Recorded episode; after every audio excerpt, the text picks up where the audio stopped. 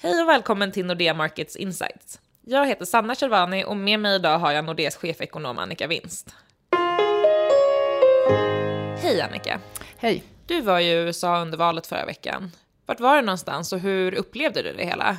Jag var i Washington eh, under själva valdagarna och sen åkte jag till New York och träffade kunder andra halvan av den veckan. Och, eh, ja, det var intressant. Det började i Washington med strålande väder den dagen som det var val och eh, jättemånga människor gick runt med klisterlappar på sig. Jag har röstat, har du? Och de lapparna satt i taxi och på restauranger och så vidare. Det var ganska högtidligt, kändes som man var med om något, något stort och det låg någon form av förväntan i luften.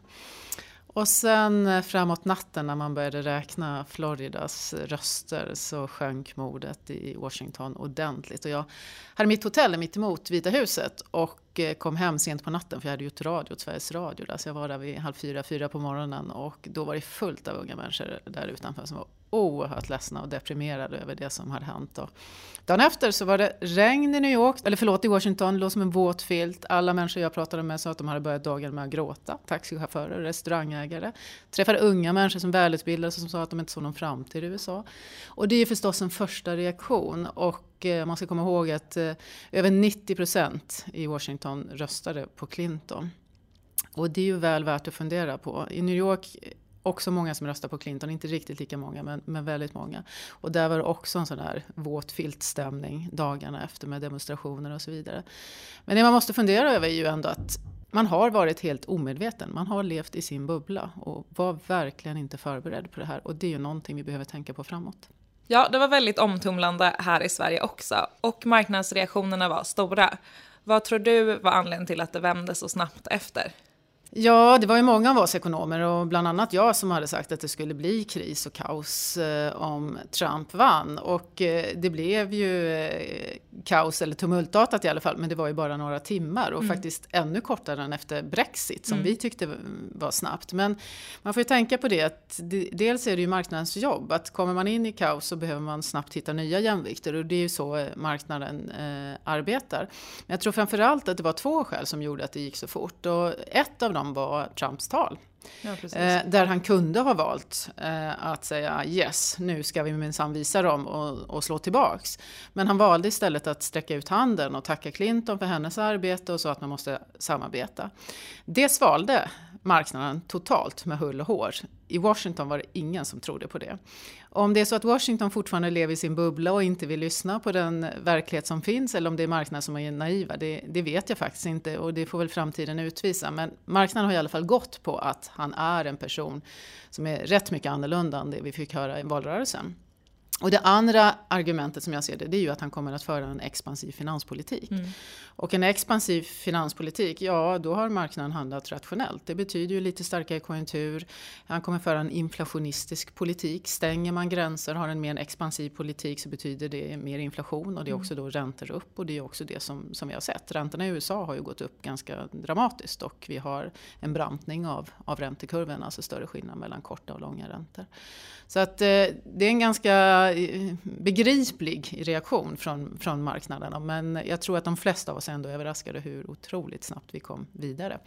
Sen kan vi absolut få bakslag. Jag menar, fattar man beslut som gör att man blir mer skrämd långsiktigt så är det klart att då kan det komma tillbaks. Och det kan ju vara både ekonomiska och politiska beslut. Ja. Jo, men det var nog väldigt förvånande att han tog en sån vändning egentligen eh, mm. i sitt tal. Hur ser du på de ekonomiska konsekvenserna framöver? Ja, då tror jag att man måste dela upp det i kort och lång sikt. Om man tänker kort sikt, eh, då handlar det ju mycket om det som jag beskrev i marknadsreaktionerna. Det vill mm. säga en expansiv eh, finanspolitik. Ja, det betyder väl lite bättre tillväxt då i, i närtid när man kan implementera det. Han pratar ju mycket om infrastrukturinvesteringar. Det tar ju i sig lite tid innan man får det på plats, men också militära investeringar och så vidare. Eh, skattelättnaderna som man har pratat om riktar sig framför allt mot de allra rikaste och det där mm. tror jag inte man får så stora konsumtionseffekter av. Och sen är det ju företagsskattelättnader.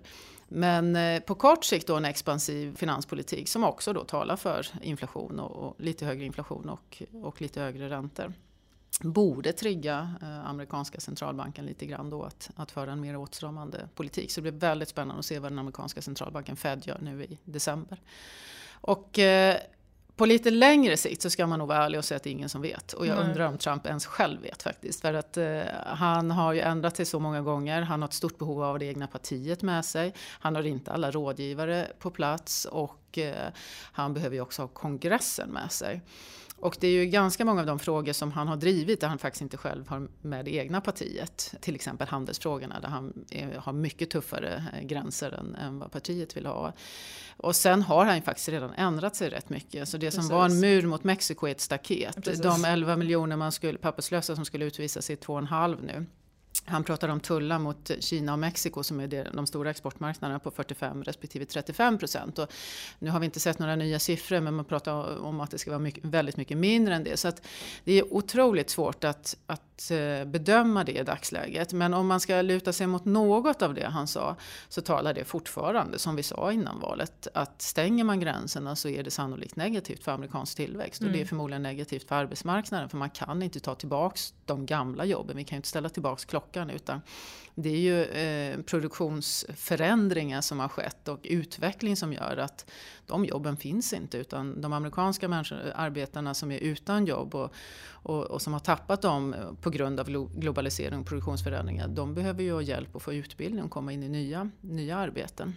Precis. Och där har han ju ingen taktik ännu så länge som vi har hört. Och, och det betyder ju också att om man ska driva det här riktigt hårt som man har sagt, ja då finns det ju en risk att USA går in i recession. Det tror jag däremot inte att varken kongressen eller partiet kommer vara intresserade av att driva det så hårt. Så att eh, förhoppningsvis så har han bättre rådgivare än vad han själv har uttryckt att han vill föra, vilken sorts politik han själv vill, vill föra. Ja, det får vi verkligen hoppas inte sker. Nu har det gått en dryg vecka efter valet. Har du några andra funderingar eller tankar kring, kring allting som har skett? Ja, jag har väl gjort två reflektioner eh, som jag tycker är viktiga att lyfta fram. Och en är att eh, jag har läst en hel del eh, kröniker, politiska uttalanden, journalister och så vidare som säger att eh, vi är bättre ute för att vi har ett skyddsnät i Sverige. Vi har inte alls de gapen som vi har, de ekonomiska klyftorna som man har i USA och Storbritannien till exempel.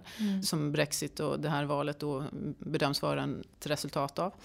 Men att, att säga det är ju samtidigt att göra samma misstag som man gjorde i Washington, stoppa huvudet i sanden. Vi Ja, har precis. väldigt många människor i Sverige som inte känner sig inkluderade. Både Brexitvalet och amerikanska valet visar att det är en jättestor skillnad mellan stad och landsbygd. Kanske till och med stad och förorter. Det är en stor skillnad mellan unga och äldre. Det är en stor skillnad mellan högutbildade och lågutbildade. Och vi ser ju samma tendenser i Sverige och vi ser dem i Europa och vi ser dem i Tyskland. Och det är ju oerhört viktigt att vi idag funderar över vad kan vi göra för att få de här människorna att känna sig inkluderade.